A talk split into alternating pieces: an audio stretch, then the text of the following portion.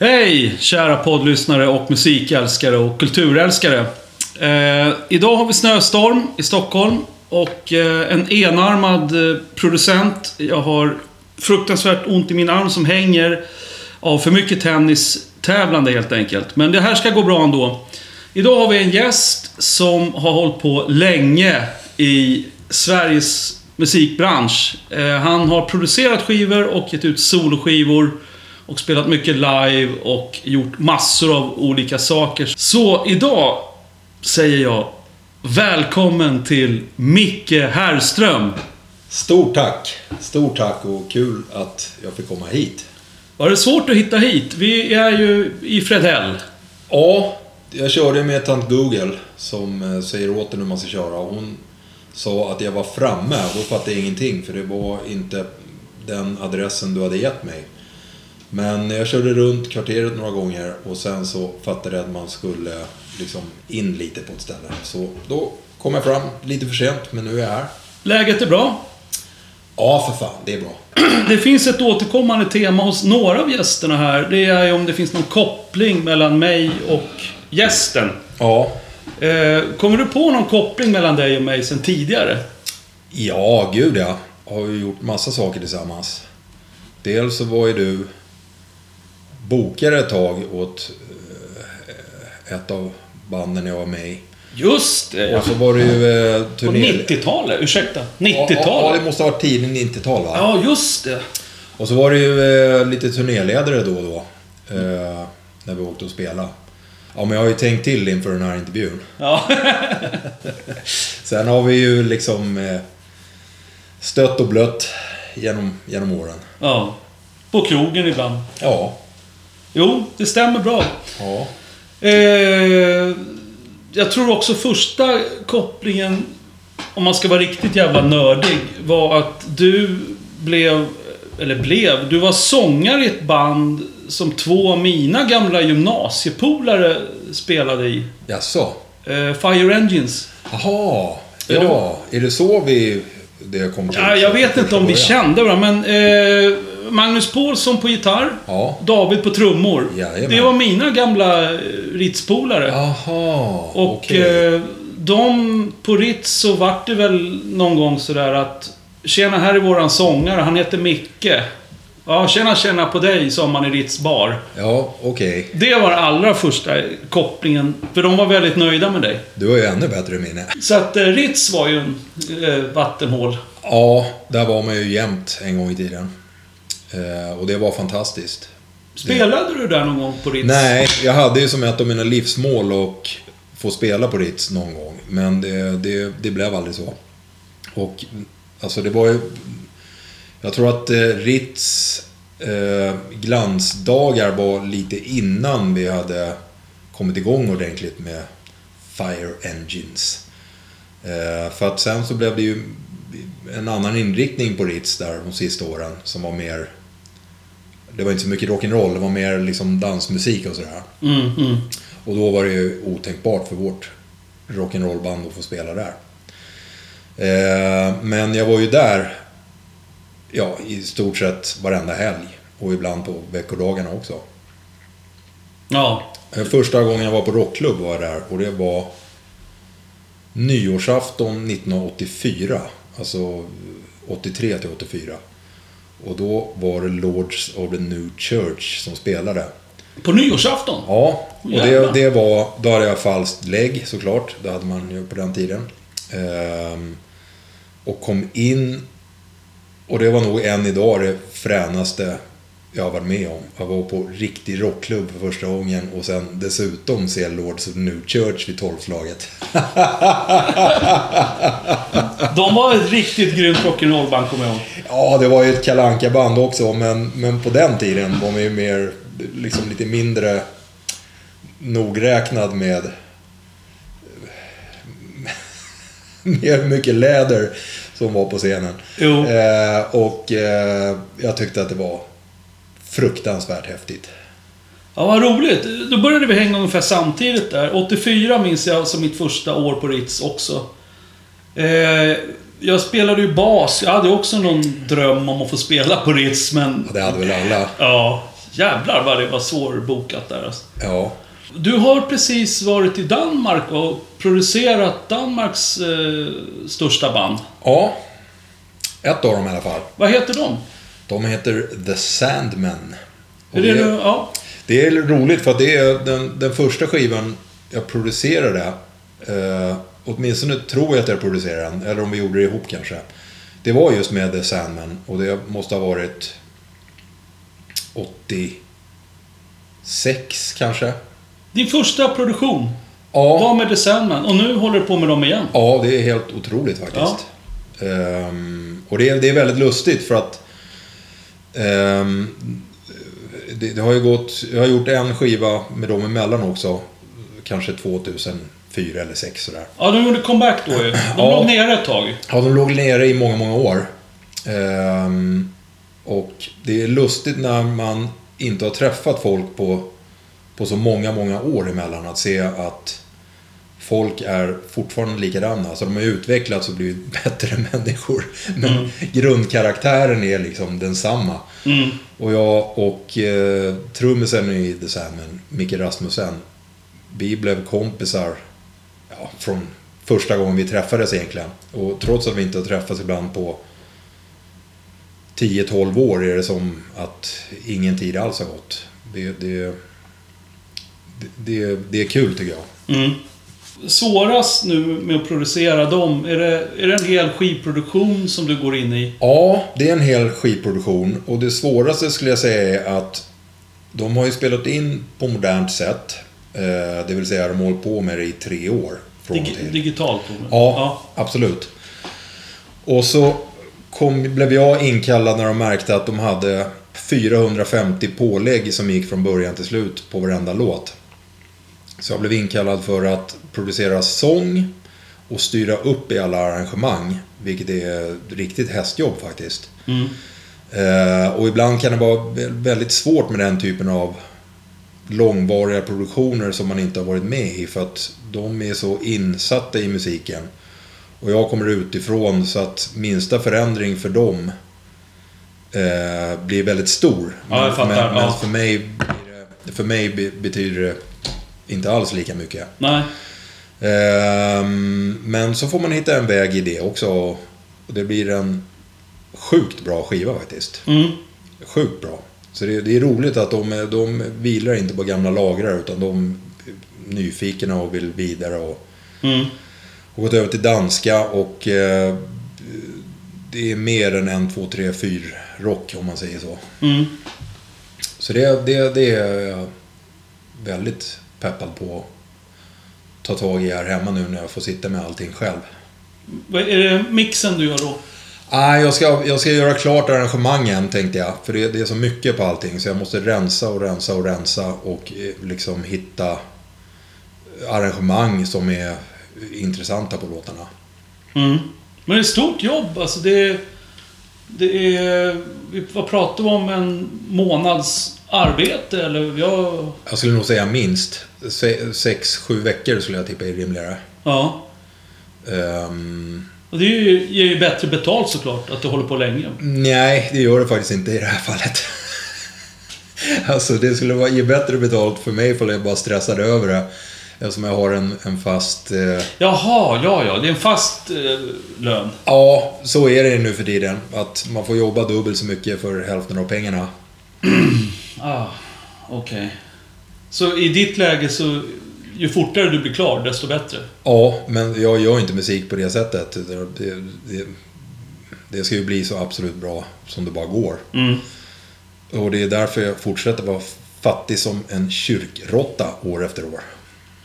Men, men jag tänkte på Gasoline, Ja, som var Danmarks största band. Det, det tror Ja. jag de flesta musiknördar är överens om. ja, Eh, Kim Larsen dog ju tyvärr. ja sorgligt nog. Ja, det, han gillade jag verkligen. Och Gasoline. Ja. Kan man säga att Sandman är Danmarks största band nu? Som du jobbar med? Jag skulle vilja säga att Sandman och DAD är Sveriges största, eh, förlåt, Danmarks största band. Men i den eh, genren de verkar i. Det finns ju såklart massa andra grejer som är eh, inte alls sysslar med, kanske med den typen av rockmusik som är betydligt större. Men eh, Sandman spelar i ishallar och, som blir utsålda när de spelar. Mm. I Danmark. I Danmark. I Sverige så har de inte varit på 20 år tror jag. Ja. Är de ute i Europa någonting? Nej, det är, eh, det är helt fokuserat på Danmark. Mm. Och de, de sjunger ju på danska också. Äkt dansk. Han är äkta dancing. Jag Men de, de sjöng på engelska däremot. De var ju på väg att bli ett riktigt stort band eh, på 80-talet när de blev signade av A&M Records. Mm. Och åkte till USA och de gjorde en skiva i London och allt sådär. Men det är en så här klassisk skivbolagsstory att den som gillade dem på det stora skivbolaget fick sparken och Mm. de hamnade mellan stolarna och allt rann ut i sanden. Ja, det, ju- det har man hört. Ja, den, den historien har man hört ganska många gånger vid det här laget. Mm. Eh, Jag kommer ihåg att du bodde i Köpenhamn. Ja. Eh, Jag kommer ihåg det verkligen eftersom jag åkte ner dit och firade nyårsafton en gång. Mm. Eh, hur var det att komma tillbaka till Köpenhamn och sen bo där och producera sen, men... Gick du tillbaka till dina gamla kvarter där du hade lägenheten? Nej, jag gjorde inte det, för vi bodde på Nörrebro. Eh, Okej. och studion där har jobbat ligger på Västerbro. Där jag också har bott. Ja, jag har bott lite utanför. Visst bodde du i Västerbro? Nej, jag bodde på Nörrebro. Okej. Ehm, eh, men det var fantastiskt. Jag älskar ju Köpenhamn. Jag har känt ända sedan första gången jag kom dit att här är en stad som passar mig. Här kan jag vara. Efter att ha bott där så har jag varit rädd för att stan ska ha förändrats. Mhm. Eller, eller att jag ska ha förändrats. Så att, eh, Ah, så ja. att jag inte känner den där känslan längre. Men eh, nej, den är stadigt där. Ja. Sönder Boulevard. Ja, Sönder Boulevard är upps- den. uppsnåsad nu för tiden. Ja, jag såg det Ja, senast. och s- köttbyn ligger där bakom och det, det är riktigt trevligt faktiskt. Man, Mm. Ofta så kan ju sådana här ny, nyuppsatta områden bli, eh, vara lite... Ja, men det är en skön inställning i Köpenhamn som jag alltid har gillat också. Jag håller helt med dig. Ja, Mer avslappnat på något sätt. ja väldigt mycket mer avslappnad. Inte alls lika ängsligt. Nej. Eh, och liksom folk... Ja, det är en annan, en annan stämning. Så det blir så löjligt att prata om stämningar och, och så vidare. För att det, det, det går liksom inte att ta på. Allt är ju såklart färgat av sinnena på den person som säger det. Mm, mm. Men jag trivs väldigt, väldigt, väldigt bra i Köpenhamn. Vill du flytta tillbaka då? Ja, det skulle jag gärna göra. Men just nu är situationen inte riktigt optimal för det. I och med att min dotter ska börja fyran nästa termin. Jag tänkte på det, du har ju gjort eh, solosläpp Ja, på svenska. ja, Eh, Micke Hellströms Skelett. yes. Eh, två låtar. Mm. Eh, berätta lite om det. När släpptes det? Och vad är, vad är tanken med att sjunga på svenska nu då? För du sjöng på engelska tidigare kan man säga till Ja, precis. Som inte upptäckte det igen. Ja, alltså. Jag har ju gjort ett antal skivor. Tre soloalbum på engelska. Och så innan det så har jag gjort massa skiv- skivor med olika band på engelska. Och så kände jag bara genom år, alltså jag började känna mer och mer att det är lite poänglöst att sjunga på svensk på engelska i Sverige för att det, det är så mycket som den som lyssnar på det missar tack vare att det är på ett annat språk. Mm. Ehm, och även jag när jag lyssnar på lägger... mm, Alltså jag älskar ju texter och är, Mm. det, det är liksom huvudfokus för mig. Så tänkte jag att om jag ska lägga så här mycket input på det och det ändå bara flyger folk över huvudet så började det kännas allt mer löjligt att sjunga på engelska. Och även för att det var lite... Alltså jag behövde utmana mig själv. Jag behövde göra det svårare för mig själv. Mm. Och då var svenska väldigt mycket svårare än engelska. Eftersom varenda ord har, man, man kan varenda ords färg och valör så, så tydligt. Och det, Mm. det är så mycket som resonerar helt fel i kroppen. Så det var den ena anledningen till, eller det var anledningen till att jag bytte på, bytte språk till mitt egna språk. Och eh, så ville jag också utmana mig själv vad det gäller låtskrivande och instrumentering. Jag har ju aldrig i någon djupare utsträckning jobbat med syntar tidigare. Och eh, jag kände att det, det, här är någonting jag verkligen inte behärskar. Så det, det vill jag jobba med. Jag, jag var så trött på att... Gitarrmangel? Ja, jag var så trött på att sträcka mig efter en gitarr och, ta, och ta, göra samma sak som jag gjort 10 000 gånger förut. Mm, jag förstår. Det... Så det har varit verkligen så här novisens lekverkstad att hålla på med. Och det är en enorm befrielse faktiskt när man inte behärskar något. Att man, man får tillbaka den där upptäckarglädjen och... och eh, ja, det blir en, eh, en... Jag tänkte på det, din, din äh, engelska soloskiva från 2015. Ja. No Family Affair. Yes. Den är ju väldigt mycket piano på. Ja. Så att du kan ju... Det kan du ju. Du menar väl mera syntljud och ja, sådana grejer? Alltså, att det är alltså, det som är det nya? Det, det, det är ju Micke Nilsén som spelar piano på skivan. Jag, jag kan inte spela sådär bra. Han är ju ett geni. Jaha, ja, okej. Okay. Mm. Eh, och så är det Lotta Johansson som spelar violin, violin och, ja. och såg. Eh, men på den här skivan så kände jag, men nu... Nu får jag göra allt själv. Dels är det... Det är helt enkelt en konsekvens av att man måste låta matsäcken mätta mun så att säga. Jag, mm. jag, jag, kan inte ringa till, till de som jag känner så väl och som jag vet försöker försörja sig på och säga att vill ni sätta er i en källare med mig i ett och ett halvt år och så har vi lite kul tillsammans. Ni får inget betalt men det blir säkert bra och så släpper vi det i mitt namn efteråt. så jag kände att... Har du gjort så på dina soloskivor? Nej, men eh, De har spelat nästan. in gratis, ser det jäkligt bra. Ja, för fan. Ja, det, det är ju strålande, män, lysande människor. Men eh, så har vi delat på allt som har kommit in live. Men det är ju liksom kaffepengar. Mm. Um, men jag kände att jag ville göra allt själv också. Jag ville göra en sån här skiva där man, som är byggd och där man liksom har en tanke med, med allting. Ja. Eh, även om, även om det är ohyggligt svårt för att det blir ju väldigt lite av slumpens skördar och ögonblickets magi. Och när de uppstår är det just för att man inte riktigt hanterar tekniken och, och gör fel. Och, okay, att, och, och, att man råkar klistra ut saker snett eller man, saker som knappt fungerar och sådär. Mm. Så man får ju kämpa jäkligt mycket för att få det att bli inte bara eh, klossar som flyttas runt i en datadisplay. Mm. Vad är det för trumprogram du har då? Jag har inget trumprogram. Jag har samplat av en 808. Mhm, mm en Roland? Ja. Ja, jävlar. Jo, jag tänkte på det här med yrkestitlar. Eh, du har ju producerat mycket och mm. spelat in soloplattor. Ja. Och spelat in med band. Ja. Producent är ju ett yrke. Ja. Och sen kan man ju vara en songwriter och sångare. Ja. Vad, vilket ser du dig mest? Om någon frågar dig vad det ska stå i telefonkatalogen. Ja. Vad säger du då? Ja, då säger jag producent eftersom det är så jag försörjer mig. Du gör det? Ja, ja men, men jag är en sångare. Har alltid varit en sångare i själ och hjärta. Eh, men hittills så har ju min producentkarriär vida överglänst min sångarkarriär, så att säga. Ekonomiskt? Ja, absolut. Eh, så att jag, jag kanske har ett bra kynne för att vara producent. Ja, det får man väl anta eftersom du blir anlitad. Ja, konstigt nog så, så tar det aldrig slut.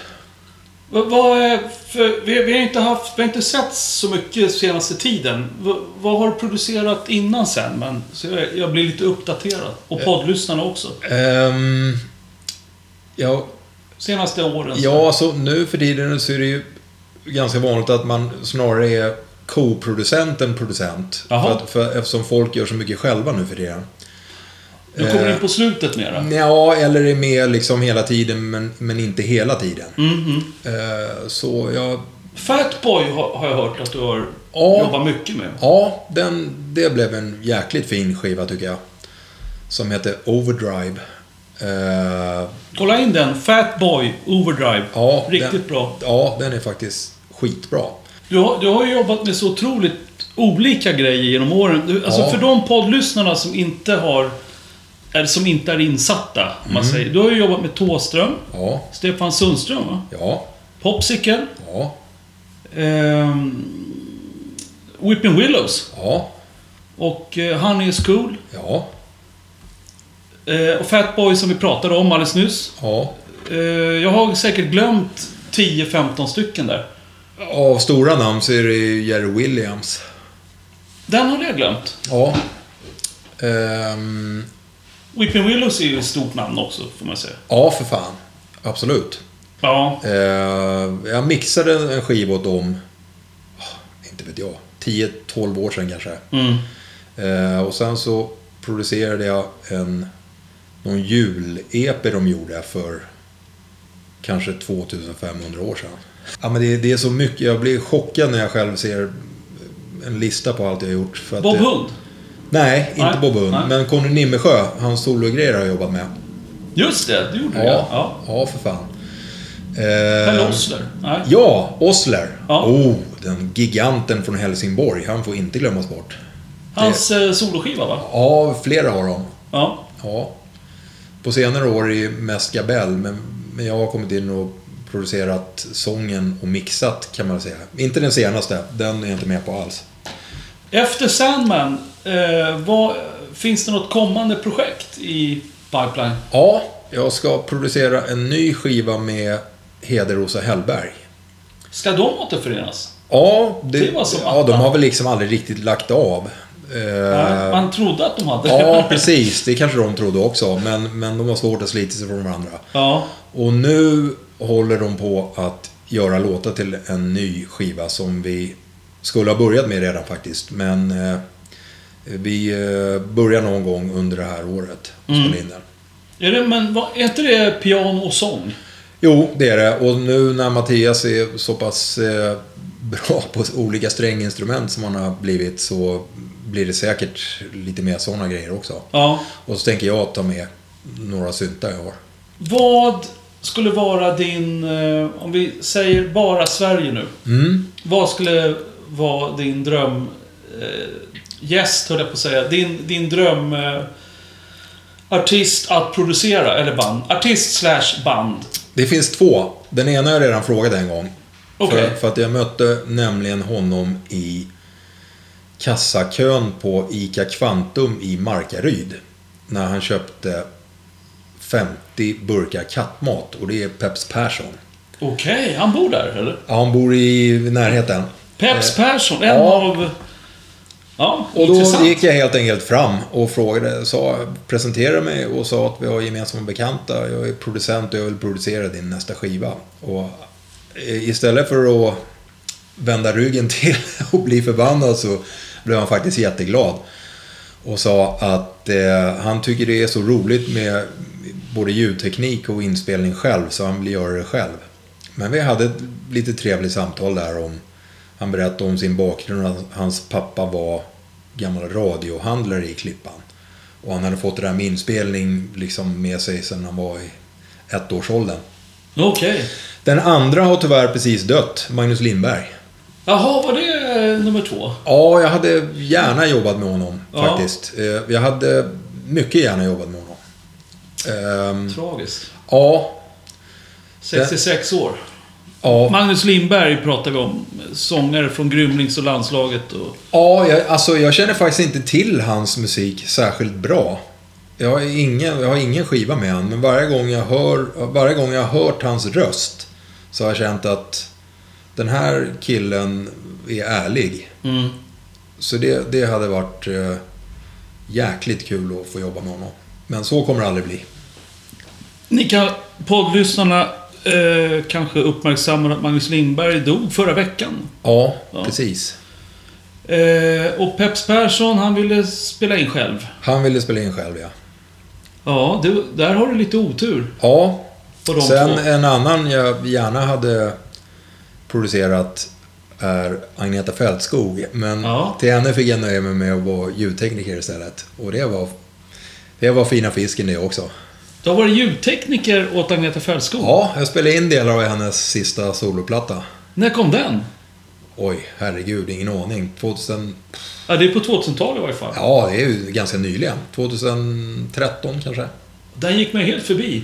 Ja, Var det mycket marknadsföring kring den skivan?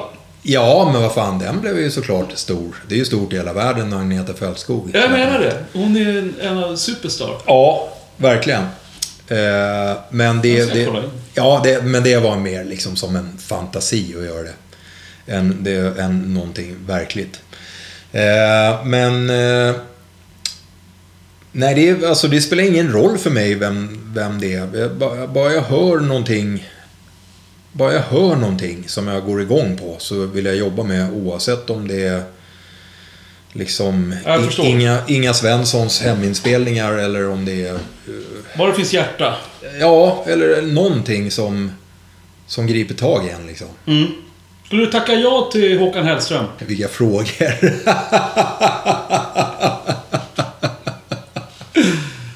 Jag har ju redan jobbat med Håkan Hellström när han var trummis i Honey School. Ja, det var han ja. Ja. Där var han trummis. Ja, Du har, du har mixat hans trumspel. jajamän. Ja.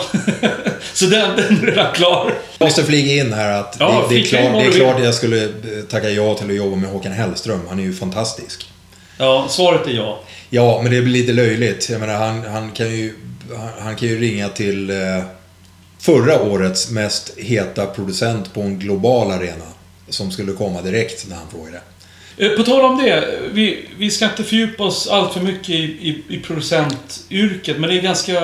Du är den första producenten som är med i podden. Vad kul, vilken ära. Ja. Tack. Jag, jag tycker det är roligt att prata om producentskap, för det, det är ett så vitt begrepp och det är så svårfångat. Ja, det är ju det. Eh, och det har jag ju märkt, inte minst när jag försöker förklara för folk som inte jobbar med musik. När man, ja, min frus föräldrar till exempel. De frågar. Ja, men vem- alla som... vad gör du på jobbet, Ja, Micke? exakt. Och då blir jag ofta helt ställd. För, att det, det är så olika hela tiden. Men går det inte bara att svara enkelt då? Jag spelar in skivor. Jo, men det betyder ju ingenting.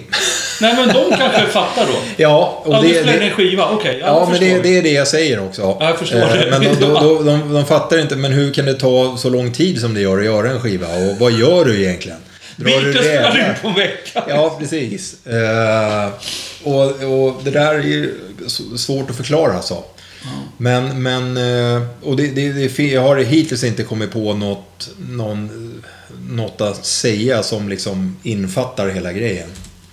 Så att det räcker inte med att svara till någon som inte kan något om musik. Mm. Jag spelar in skivor. Det räcker inte som svar. Jo, det är det jag brukar säga. Så hoppas jag att de inte ställer några följdfrågor. Ja. Så en vanlig följdfråga är varför tar det sån evig tid innan det blir klart? Ja, precis. Det är en vanlig frå- följdfråga. Eller vad gör du egentligen i studion? Sitter du och trycker på knappar och drar i reglar? Ja, ja det gör det. Ja, det gör jag. Och så pratar jag med dem som spelar och så tycker jag saker. Och det blir väldigt flummigt och väldigt... Liksom som att man verkligen inte gör någonting. Ja, intressant dilemma det där. Ja. Vad gör du på jobbet? Ja, precis. Det skulle vara lättare att säga att jag säljer aktier. Och Ja. köp, jag säljer och köper aktier så tjänar jag pengar. Ja, det fattar jag för sig ingenting av. Nej, inte jag heller. Hur, hur, hur kommer pengarna in där? Men det är väl något jävla arvode de får. Jag har ingen aning. Nej, inte jag heller. Men... Eh, jo, jag tänkte på det. Du har ju också... Har slash haft... Jag säger har. Ja, En producentpodd. Har Eller haft. haft. Har haft. Ja, slash haft. Ja, Eh, producentpodden heter den. ja precis. Ja, jag lyssnade på den. Ja, vad roligt. Vad, vad, hann du inte med att fortsätta med den? Eller vad hände? Alltså, det... Eh, Eller svårt att hitta producenter? Eller? nej. Jag skulle vilja säga att luften gick ur hjulen lite grann. Alltså, Därför att jag tyckte att det jag pratade med Christian Gabell om i det enda avsnittet som Mm. gjordes. Det tyckte jag var asbra. Vad roligt, Ja. tack. Det, det i princip täckte allt jag ville ta upp i den där podden. Jaha. Nämligen vad är en producent? Precis det vi just pratade om. Ja, ja. Eh, och jag tyckte han hade så kloka svar och jag tyckte vårt samtal... Eh, Ja, efter det så hade jag hade inte mycket mer att tillföra helt enkelt. Så nu består producentpodden av ett avsnitt. Mm. det kan folk lyssna på eller låta bli. Ja, kolla in det. Evinnerliga tider. Ja. Om man vill veta mer om vad en producent gör på jobbet så lyssna på Producentpodden. Den finns på Acast va? Ja, Ja. Eh, Så går ni in där och lyssnar på det avsnittet så får ni veta lite mer om det yrket. ja, det kan man säga. Eh, Vilka andra producenter i hela världen och i Sverige tycker du gör ett bra jobb? Som du har som producentförebilder. Kanske låter larvigt att säga förebilder, men Ja, inspiration då? ja, Inspiratörer? ja precis. Alltså det, det finns så många och så få skulle jag kunna säga. Mm. Alltså Säg då- två då. Ja, då tycker jag han Nick Lo- Loney, eller vad, hur det nu uttalas. Nick Looney. Ja, han som gör mycket av Nick Caves och The Bad Seeds grejer och mycket, mycket, mycket annat. Han tycker jag är jäkligt bra. Och så gillar jag... Jag tycker T-Bone Burnett är rätt trist som artist faktiskt. Mm, Men jag, tycker, ja, men jag tycker hans produktioner alltid fångar någonting. Vem är det då? Ja men det är ju allt från, han gör ju jättemycket såna här americana, alla Gillian Welch och såna Ja, grejer. okej. Eh, och de fångar, och, och Peter Case, den, eh, han, han, de fångar någonting som är tidlöst och väldigt luftigt och väldigt eh, bra. Mm. Eh, väldigt minimalistiskt och, och det liksom bygger... Det bygger på att fånga stämningen och luften i, i det som artisterna framför. Och, och det lyckas han alltid med. Så jag tycker det, det är liksom... Det finns en sammanhållande tråd i hans produktioner. Som Mm. inte har så mycket med soundet att göra, utan mer stämningen som Okej. finns på de där skivorna som han gör. Ja. Om vi tar någon, jag bara droppar ett namn nu i Sverige. Ja, Eh, jag är ju en novis jämfört med dig på andra producenter. Jag, hade bra koll en gång i tiden. Men nu, nu har tiden sprungit ifrån mig lite känner jag. Jag har liksom ingen aning om vem som producerar... eh, Vad ska vi ta? Håkan Hellströms senaste skivor. Jag har ingen aning. Men jag bara tar ett namn för vad du tycker. Mm. Mikael Ilbert. ja ehm, han är ju... Jag ser honom som en top notch mixer. Mixer? Okej. Ja, Ja. Alltså, han är ju fantastisk, på, fantastiskt bra på att mixa. Mm. Ehm, som producent känner jag faktiskt inte till hans grejer så mycket. Det var väl han som producerade, alltså jag kanske säger fel nu, men jag tror att det var han som producerade Sators första. ja. Den där... äh, Med stock... eh, Nej, inte stock. nej, inte den. Den tidigare. Ja. Slammer. Heter den det? Ja, den som lät väldigt nytt och fräscht för att vara på den tiden när den kom.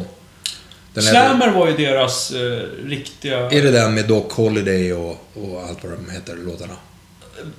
Alltså det här är ju så länge sedan så att Ja. det går inte att minnas längre. Ja, men han har ju producerat Sator, det är vi överens om. Det, jag har ju intervjuat Sator förresten, Kent Norberg. Jaha, okej. Och han... Vi pratade om den skivan. Jo, det är Ilbert. Ja, och det, det, det, då var han ju liksom i framkant av... Han tog ju... Det var ingenting tidigare i Sverige som hade låtit på det viset. Nej, nej, exakt. Och sånt får man ju verkligen respektera. Ja. Eh, men, men jag känner mer till hans mixarbete än honom som producent och det eh, är ju i världsklass. ja. Ja. Finns det någon annan svensk producent då som du känner samhörighet med? Alltså jag känner inte heller till så många producenter. Du gör inte Eh, det? Nej, jag gör inte det för att jag... eh, Jag tror du har Ja, men man är ju så upptagen med att jobba hela tiden. Ja, ja, Eh, och liksom... Nu vet jag varför jag tappar greppet på producenter. Ja. Det är Spotify. Mm. Jag köpte CD-plattor förut och vinyl. Hade Ja. järnkoll på vem har producerat den här fantastiska skivan. Ja, det är det som är så Spotify tråkigt. syns ju inte det. Jag vet. Det är det som är så fruktansvärt trist. Och Ja, det, är, det är det det. är jättedåligt för sådana som mig. Jag tycker Som borde slå ingen, på ingen, Spotify. vet, ingen vet vad vi har mixat och producerat och sådär. Nej, nej. Det är skittrist. Ehm, det blir som 7-Eleven för musik liksom. Mm. Men eh, den jag, en jag känner till är, är Christian Gabell och han tycker jag är jättebra. Vad är dina stora planer eh, framöver? Är det att... Eh, vi kan prata lite tillbaka till din senaste solosläpp. Ja. Det är två låtar på svenska. Ja. Eh, vill du säga något om de två? Det är en, en singel, kan vi kalla det för. Ja, det är en singel. Ja, Micke Hellströms Skelett. Ja, precis.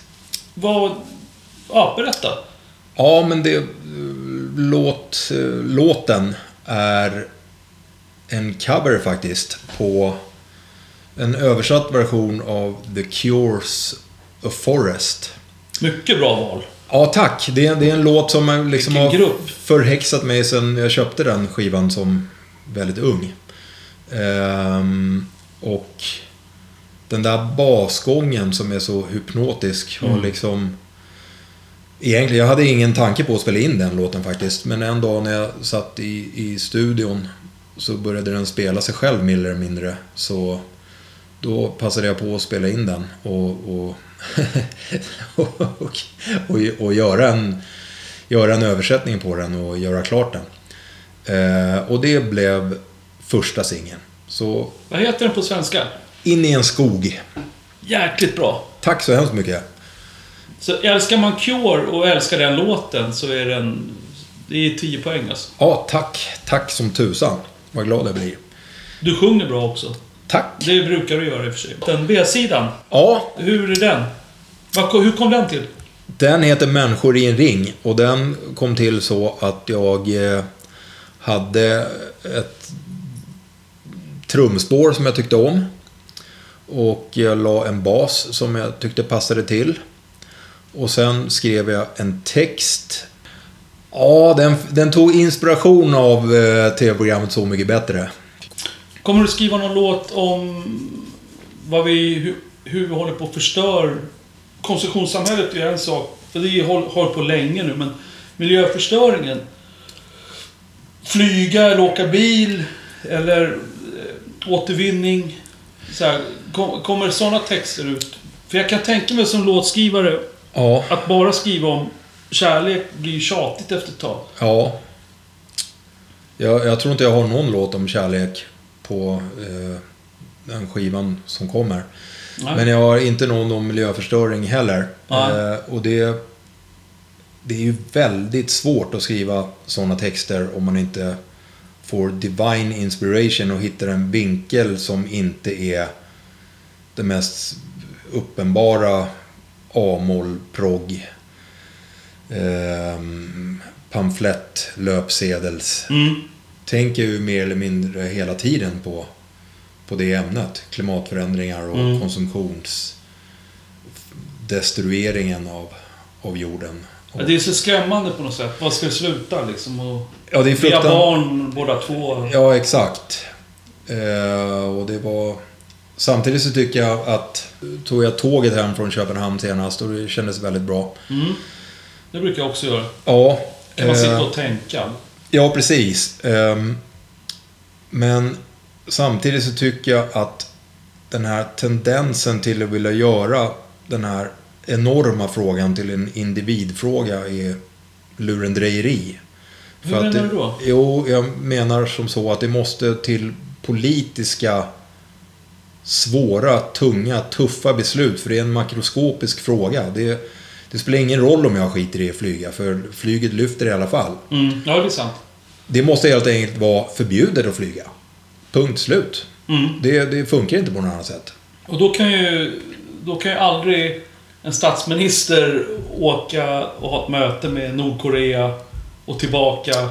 Alltså han kan ju inte sitta och åka bil till Korea. Nej, men alltså man, man, man kan ju inte vara superdogmatisk. Men man kan definitivt säga att staten borde säga till mig när jag ska jobba i Köpenhamn att vad trevligt, det går ett tåg då och då. Det kostar så här mycket. Jättebilligt är det för övrigt.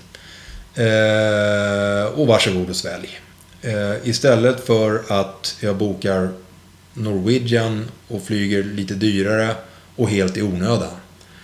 Eh, samma sak om jag ska åka till Berlin. Så, Men, du menar att staten ska gå in och säga till dig? ja, alltså jag älskar ju Vad ska du få för bonus då menar du? bonusen, är att, med bonusen är att vi slipper ha jacaranda längs, eh, längs gatorna. Jo, jo, det är ju skitbra. Men jag menar, ska staten skicka ett uh, mail till dig då? Självklart. Ja. Staten ska gå ut och säga att kära svenska folk, från och med nu är det färdigfluget till Köpenhamn eller till Oslo eller till... Mm, kortare sträckor. Ja, precis. Ja. Och den här uh, Thailandsresan du planerar, det- det är kanon. Men sen får du inte åka till Thailand igen de närmsta tio åren. Ja, intressant. Alltså jag, jag älskar, älskar, ja, jag äls- älskar de friheter vi har, precis som alla andra människor. Och jag eh, tycker att folk måste ju få göra business för guds skull. Eh, jag är inte, inte särskilt socialistisk i övrigt. Eh, men jag tycker det är just den här frågan som är liksom Flyget, så... ja. Nej, inte bara flyger utan rött kött och klimatfrågan överhuvudtaget. Mhm. Där måste staten våga kliva in och säga bara Så här är det nu, varsågod och svälj. Det, För det, det, det funkar inte om det, det är alltså, klimatet skiter fullständigt i om du och jag slutar käka rött kött. det är sant. Det är för liten skillnad. Ja. Mikroskopiskt. Exakt. Jag har börjat med återvinning nu i alla fall. Ja, vi, Glas och metall. ja, Och det, det var en jättestor revolution i mitt liv. ja, bra, bra. Men visst, på det stora hela. Eh, Jag har en teori om varför staten i Sverige inte går in och styr upp det här. Ja, shoot. Det är för att de själva måste flyga. Det är där hela... Det tror jag är för liten förklaring faktiskt. Jag tänker Nej, mer men att... statsministern måste själv flyga flera gånger i veckan. Ja, men Hur det- ska det då se ut om det- han det ty- förbjuder oss att göra det? Ja, men det, det får han lov att göra ändå. För det är just därför hur det ser ut. Att den som sätter ner foten så kraftigt och säger att det är slutfluget för er del. Eh, kommer inte att vara kvar som statsminister efter nästa val. Så därför måste alla göra det. Alla partier måste säga det. Det spelar ingen roll om ni röstar på oss istället, för vi säger samma sak. Mm. Ja, det är ju värt ett försök. Ja. Det, det är enda försöket som kommer funka. Sen har vi ju gl- globala grejer. Mm. Alltså flyga till Australien. Låt oss säga att man måste dit. Man, Ja. har, eh, man har tre barn i Australien. Ja. Man åka dit och hälsa på dem ibland. Ja. Hur, hur skulle staten göra där? Ja, men naturligtvis så kan man inte vara jättedogmatisk. Det fin- finns ju inga system. Men framförallt kortare resor om jag tolkar det. Berlin. Ja, alltså det är ju det går att åka bil till Berlin. Ja, precis. Och det, och det borde gå att enkelt boka en tågbiljett utan 35 byten och utan att man måste gå in på en tysk sida för att boka biljetten från Köpenhamn till Tyskland. Mm. Eh, men det, vad jag förstår så håller de ju på att försöka jobba fram det nu. Och, Ja, jag eh, såg det. och så det, det är ju, det, allting måste ju ändras i grunden för att det... Ja, jag, jag är själv en tågälskare. Jag Ja. älskar att åka tåg. Ja. Och skulle jag kunna göra det jämt så gärna. Ibland är det ju för långt helt enkelt. Ja. Tåg till Thailand, det, det tar sin tid. Alltså. Ja, precis. Och eh, nu har jag ju faktiskt varit i Thailand. Och fossildrivna bilar måste ju också... Det, det kan inte skjutas på hela tiden. Att det är 2035, 2040, efter 2050 får inte säljas. Det är nu. Nu. Det Ja. måste bara säga, ja, vi kör... Från och med 2021 så är det färdigkört med fossildrivna bilar. Mm. Det är ju många som köper elbilar nu ju. Ja. Tyvärr så är de ju dyra så att bara överklassen har råd med dem. Men, Ja, men, men så småningom kanske även sådana som du och jag kan köpa. Mm. Det, det skulle jag vilja ha, en elbil. Det är ju e- eldrivet, det är ju, det- är ju väldigt bra. Det är bra och jag älskar bilism och allt bilismen rent visionärt står för. Att man kan sätta sin, sin bil och lämna allt i backspegeln. I love it. Mm. Men, men liksom att vi, att vi har miljarders avgasrör som bara pruttar ut skit rakt ut i luften varje Ja. timme. Men flygplanen är är, ju ännu helt värre. Flygplanen är ännu värre. Ja, det är väl ungefär lika illa vad, vad jag har läst Det är 10 siffermässigt. 000 liter bensin i ett plan till Köpenhamn. Ja, herregud. 10 000 liter. Ja. ja Min bil tar 60 liter, så det är ändå en viss skillnad. Ja, absolut. Men man kan ju säga att förra sommaren som var blev jag Ja. jäkligt skrämd faktiskt. Ja, när det var sådär hett ja. Ja. 28 grader i tre veckor. Ja. Helt sjukt. Ja, precis. Och, det, och där jag var, i södra Småland, så var det ju ännu längre Ja. varmt. Och det, det har aldrig varit det tidigare. Nu har jag varit där varje sommar i snart 20 år. Det var lite otäckt, jag håller med dig. Ja, det var jävligt otäckt. Man kände att det här, this shit ain't normal. Precis. Eh, av alla musiker Mm, som du har jobbat med, ja. vem har varit den trevligaste Och vem har varit den mest musikaliska? Då skulle jag vilja säga så här att nästan alla har varit den trevligaste. Det- Alla har varit trevliga. Ja, det, det är väldigt, väldigt ovanligt att man möter någon i den situationen som inte är trevlig. Mm. För att alla är så inställda på att göra en bra grej i livet som alla kommer minnas för evigt efteråt. Ja. Däremot så har det varit folk som kan framstå som inte så trevliga för att de egentligen är jättenervösa. Mm. Men det måste man eh, liksom ha översikt med. Och mycket av jobbet går ut på att skapa förutsättningar för artister, liksom musiker, att släppa skräcken i en inspelningssituation. Mm. För, för musik och sångtagningar som bygger på oro och rädsla är inte bra. Nej.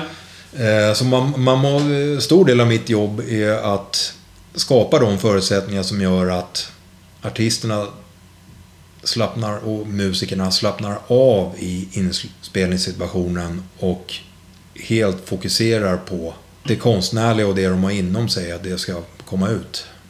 Det tycker jag du är bra på. Jag, jag spelade in en demo en gång som du var inblandad i. Mm. Du, du, var till och med ett gitarrsolo, kommer jag ihåg. Jaha. Eh, och du var, var ute på Värmdö med Björn Jonsson som är tekniker för podden. Eh, typ ni- 1997 eller något sånt där. Okidoki. Eh, I varje fall, men du var väldigt bra på, på att få mig avslappnad. För, Ja, jag, för tack. jag var en rookie som låtskrivare. Ja, Så, jag, så jag var nervös. Även om det var på demostadiet var jag nervös. För jag, jag hade, ju- skulle betala honom.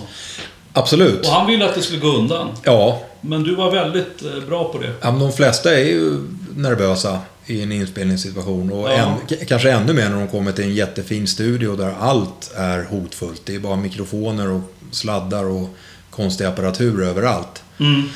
Eh, så det, det, är, det är en stor och viktig del av jobbet att skapa en atmosfär som gör det möjligt att helt bortse från Ja. det hotfulla i det.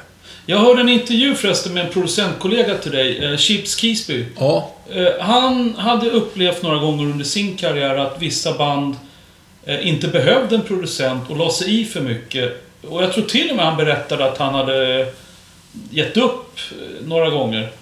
ja. Eller någon gång. Han hade sagt men ni behöver ingen producent om det ska vara på det här viset. Då, då är det ingen idé vi fortsätter. Har du upplevt det någon gång att ja. man frågar sig varför ska jag producera om ni själva håller på? Ja, det har jag upplevt många gånger. Eh, du har bå- löst det? Ja, jag, alltså, jag upplevt det både på eh, ett bra och kanske mindre bra sätt. Det bra sättet har varit att de faktiskt inte behöver en producent för att det enda producenten gör är att, normalisera det de håller på med. Eh, och det kan jag känna ibland att nu har jag liksom hållit på och gjort skivor i 30 år. Att när det kommer in några, några rookies som inte vet någonting och kör för glatta livet så är det bättre att skita i och styra upp det. Och istället, det är ju det man gillar. Mm. Man ska inte ändra det man gillar.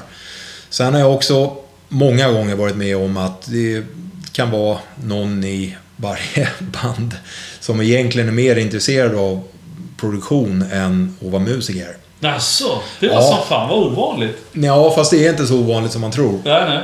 Och de måste man förhålla sig till. Ehm, vilket ibland kan vara jäkligt svårt för de sitter alltid bakom en saxel och har, Vad säger du till den har musikern då? Du får dämpa det lite. the second guess på... Nej men det, ibland har jag helt enkelt tagit tag i dem en morgon och sagt vi måste ha ett samtal. Och det är så här, om, om du vill att jag ska producera så här, det här, då måste jag få göra mitt jobb. Mm. Du måste ta ett steg tillbaka och, och göra din grej. Mm. Ehm, Är det ofta basisten? jag kände igen mig lite.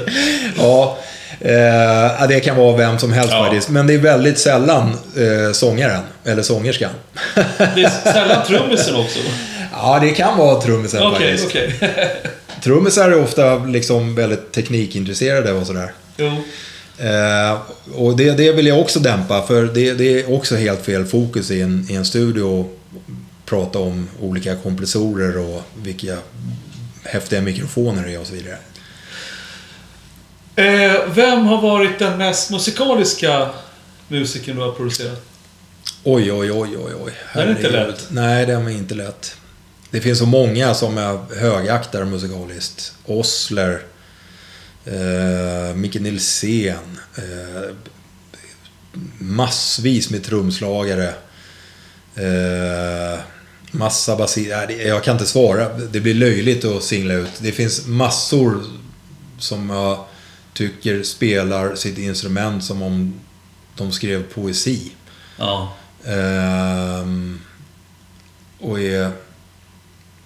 Man får presenter av dem när de spelar. Ja. Och det är fantastiskt. Ja. Ja. Eh, Okej. Ett tema som är med i podden, det är ju dina tre bästa skivor som du har hört. Oj, ja. Eh, skulle du vilja berätta vilka de tre är? Herregud vilka svåra frågor du ställer. Ja. Ehm, alltså det, det, det, det, måste, det måste ju bli sådana här skivor som är formativa. Så det, det vill säga att man hörde dem i den tidigare delen av sitt liv. Ja, ja du väljer själv. Du Ja. kan ta en som du hörde förra veckan. Ja, fast den hinner fast, man inte fast få... det, det kommer jag inte göra. För att då, nu för tiden så har inte den musik den djupt formativa. Så den första jag väljer måste ju bli någonting med The Clash. Såklart. Nu pratar vi. Ja.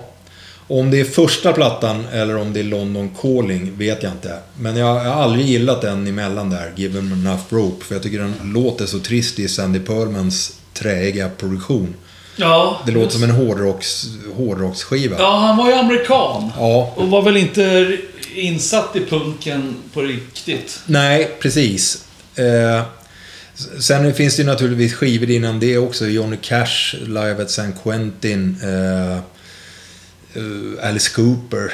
Men, men jag väljer ändå... Jag väljer, nej, jag väljer första skivan med The Clash. Clash debut, okej. Ja, den, den skulle jag vilja säga att jag kan till och med härma tystnaden mellan låtarna på. Okej. Eh, sen så skulle jag nämna Med ögon känsliga för grönt av Barbro Hörberg. Som jag tycker är en, en artist som är helt makalös. Och Vem var hon? hon var en eh, eh, tidig singer-songwriter får man väl säga. Hon dog tyvärr eh, någon gång tidigt 70-tal, 72, 74 och sådär. Hon var aktiv på 60-talet, eller? Ja, kanske mest i början på 70-talet. Eller hon var aktiv på 60-talet också, men hennes, hennes glansperiod är nog tidiga 70-talet. Okej. Och särskilt då den skivan med ögonkänsla för grönt som är makalös. Hon, hon, är, hon är liksom en sån artist som jag gillar. Hon förmedlar sån närhet och tröst med sin okonstlade sång som är... Den tar inte omvägar runt att hon ska sjunga bra eller på ett speciellt sätt utan orden kommer bara att träffa den rakt. Mm. Jag ska kolla in henne. Ja, det måste du göra. Den där låten har jag hört. Varför Ja. har jag gjort det? Jo, för att Johan Johansson har spelat in en cover på den. Ja, Eh, Därför har jag hört den. Men hennes övriga produktion ska jag kolla upp. Bra tips. Mm. Ja. Barbro Högberg. Barbro Hörberg. Hörberg. Yes. Finns på Spotify. Oh ja. Och så en tredje då. Vilken skulle det vara? Ja, det måste ju bli Nick Cave för fan. Eh, The Good Son med Nick Cave. The Good Son. Ja. Från 94, va? Är den så sen? Ja, det kanske den är. Nej, för Fisherman... eh, Nej, vad säger jag? Bootsman heter den. Fisherman, det är Waterboys. Exakt. Bootsman, The Bootsman's Call. Ja, Kom ju efter. mm, långt efter tror jag. Ja, Ja. 97 eller något sånt där.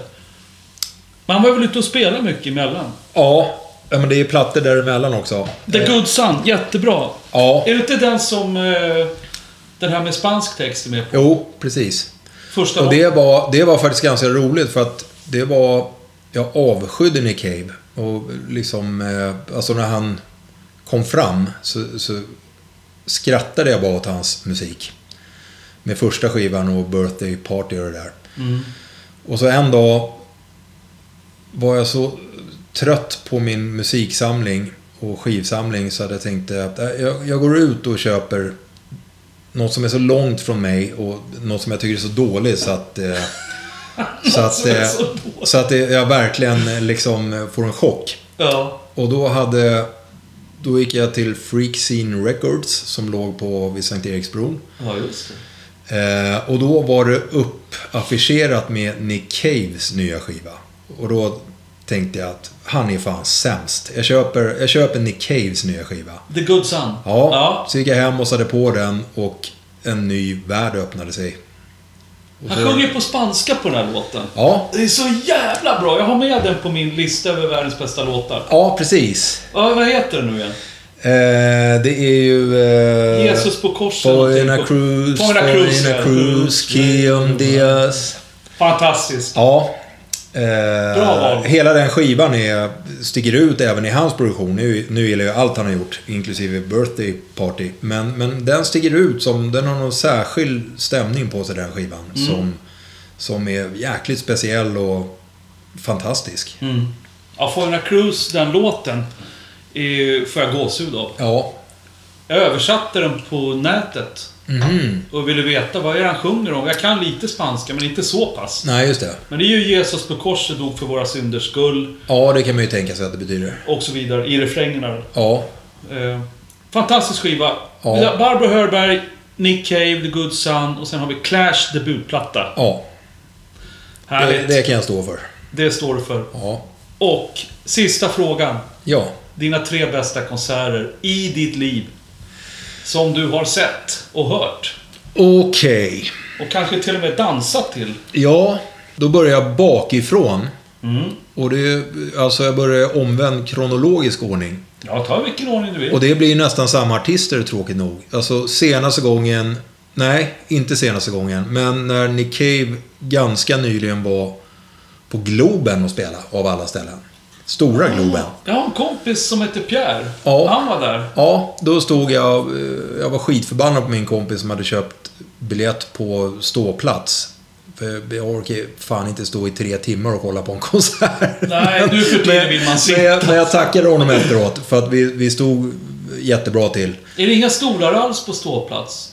Alltså, Inte den gången i på alla fall. Globen så är det ju nere på marken. Ja, precis, precis. Och där är inga stolar alls. Jag tror inte det. Eh, och det, det var makalöst bra alltså. Makalöst bra. Mycket bättre än den gången innan med honom. Såg alla honom på Ritz? Nej, men då ringde, det är en rolig historia, för då ringde jag till honom och pratade med honom i telefon. Som kom sig av att, Du ringde Nick Cave? ja, en gång när jag hade varit på Ritz så smet jag in i logen efter att några jag kände ytterst lite hade spelat. Och inne i logen så hängde det en telefon på väggen. Och där stod ett nummer som jag skrev upp. Eh, och så, eh, på den tiden fanns ju inte mobiler och sådär, så jag hade en liten telefonbok. Och så var vi, jag minns det jättetydligt, för vi var hemma hos min gode vän Ricky och min gode vän Hanna och drack vin. Så kom vi på att Nick Cave spelar. Och jag bara, men fan jag har ju det där numret till logen på Ritz. Vi ringer dit och frågar ifall de inte kan sätta upp oss på listan. Vad fräckt! Ja, så ringde jag dit och svarade Nick. Och jag bara, oh shit, det är Nick Cave som svarar. Han ryckte luren i logen. Ja, precis. Och så sa jag så här, hello, my name is Michael. Uh, uh, could we get in on the list please? Bla, bla, bla, bla. Och då sa han, hold on, I gotta find the fucking promoter. och så blev vi faktiskt uppskrivna på listan, men tyvärr betallistan visade det sig när vi kom dit. Så vi, vi hade inte råd att gå in. Nej! Tyvärr. Så jag, jag missade, missade Nick Cave på Ritz, men jag har sett honom många gånger sedan dess. Va- Var det så jävla ont om stålar? Så du inte hade Fan, med på, på den tiden hade man ju för fan inte en krona. Nej, det hade man man, hade, man hade till en helgvinare som man drack upp hemma hos någon och sen gick man ut och hoppades på att, att man skulle kunna få låna 30 kronor av någon till en öl. Ja, så var det. Jag Ja. känner igen det där. Ja, eh, det här är ju liksom way, way back. Ja, ja visst. Eh, men nästa konsert då. Eh, Cave på Globen, en av de bästa. ja, i senare tid. Stiff Little Fingers på Göta Lejon. Åh! jag var där! Ja. De spelade ju där två gånger. Jag var där den första gången. Ja, Precis efter Nobody's Heroes. Ja, samma här. Ja, vad kul. Och det var ju också en av de första riktiga konserterna som... Eh, som man gick på. Man var ju Ja. rätt, rätt ung Ja, på den tiden. Jag tror jag gick i högstadiet. någonstans. Ja, precis. Det var väl typ så här 79, 80 Ja. kanske. Otroligt bra konsert. Ja, fy fan. Vilket det draget. röj. Vilket drag alltså. Herregud. Jag hade liksom... Eh, ja, det, det var häftigt. Och en annan konsert jag minns. Man bara gillar musik från ett annat årtusende. Men, men de, här, de här konserterna som man var på. En konsert kickar inte in lika mycket nu för tiden som den gjorde när man var 17. Nej. Så, är, så Nu enkelt har är jag det inte bara. sett så många, så att... Ja, precis. Så nu kommer jag ihåg att den konsert som förmodligen har påverkat mig mest var när Hanoi Rocks var förband till ett jäkligt lökigt band från England som hette Au Pairs. Kanske... Ska vi säga att det var 1982? Kanske... Det låter rimligt. Ja, på Underground i Stockholm.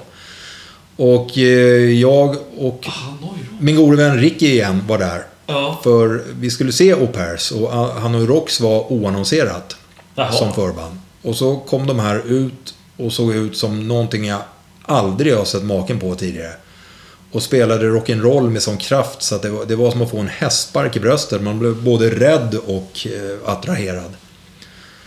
Så dagen efter det köpte jag mitt första svarta nagellack och köpte Hanoi Rocks debutplatta. Och sen efter ett halvår såg jag ungefär ut som jag var en medlem i Hanoi Rocks. Ja. Eh, Bodde inte de i Stockholm ett tag? jo, de bodde i Stockholm. Ja, precis. Ja, så den, den konserten minns jag för att den var... Den var så fränt. Man hade aldrig i sitt liv vare sig sett eller hört något liknande. Nej, vad roligt. Ja, ja absolut. Hanoi spelade också på Ritz senare. Ja, där var jag också och såg dem. Ja, det måste varit bra. Ja, för fan. Det var bra. Men det var... Ingenting kan vara så fränt som första gången när man var så pass ung att det var liksom öppna spjäll. De flyttade till Los Angeles sen. Ja, framförallt flyttade de till London först. Ja, det gjorde de. Ja, just det. De mellanlandade i London, ja. När de flyttade till Los Angeles hade de blivit ett Kalle Anka-band. Men, men när de bodde i London så var de fortfarande fräna. ja. Okej, är det någonting som du vill säga om alla dina år i musikens värld eh, som aldrig blivit sagt? Um, nej, egentligen. Alltså jag, jag har ju aldrig känt mig som en del av musikbranschen egentligen. Även om jag har all förståelse för att jag kanske blir betraktad på det sättet. Men jag har liksom alltid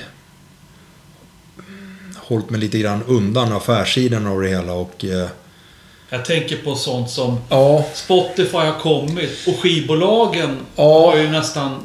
Eller skivbolagen har inte försvunnit. Nej, tvärtom. tapp- Tvär, tvärtom så de stora skivbolagen tjänar mer pengar än någonsin nu. De gör det. Ja, för fan.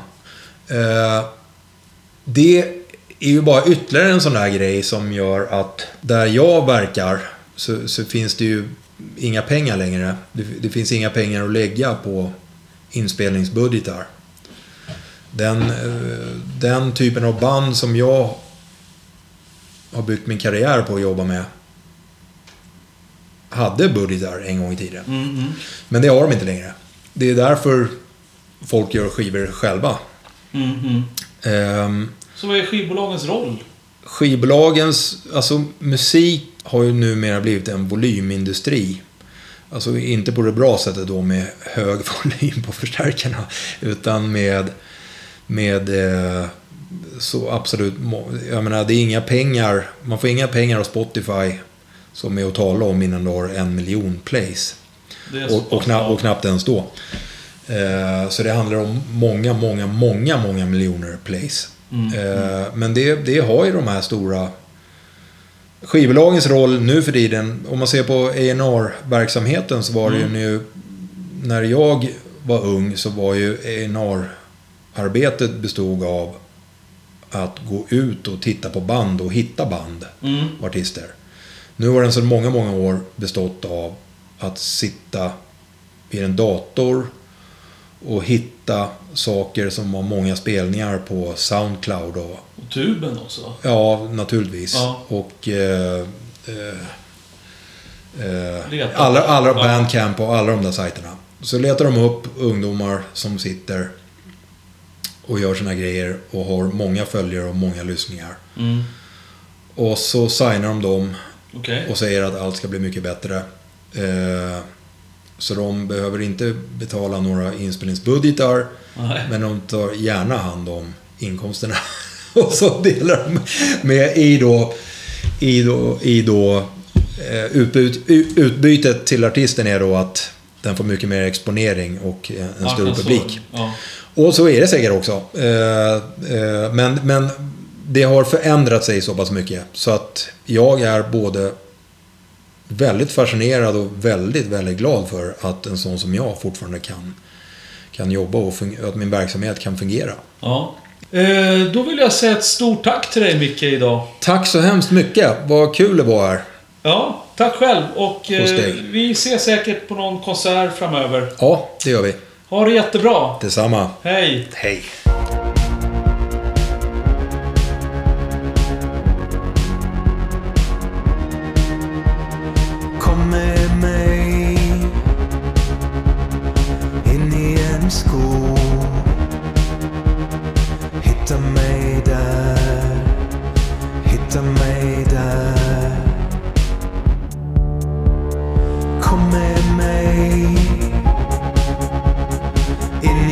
Skog.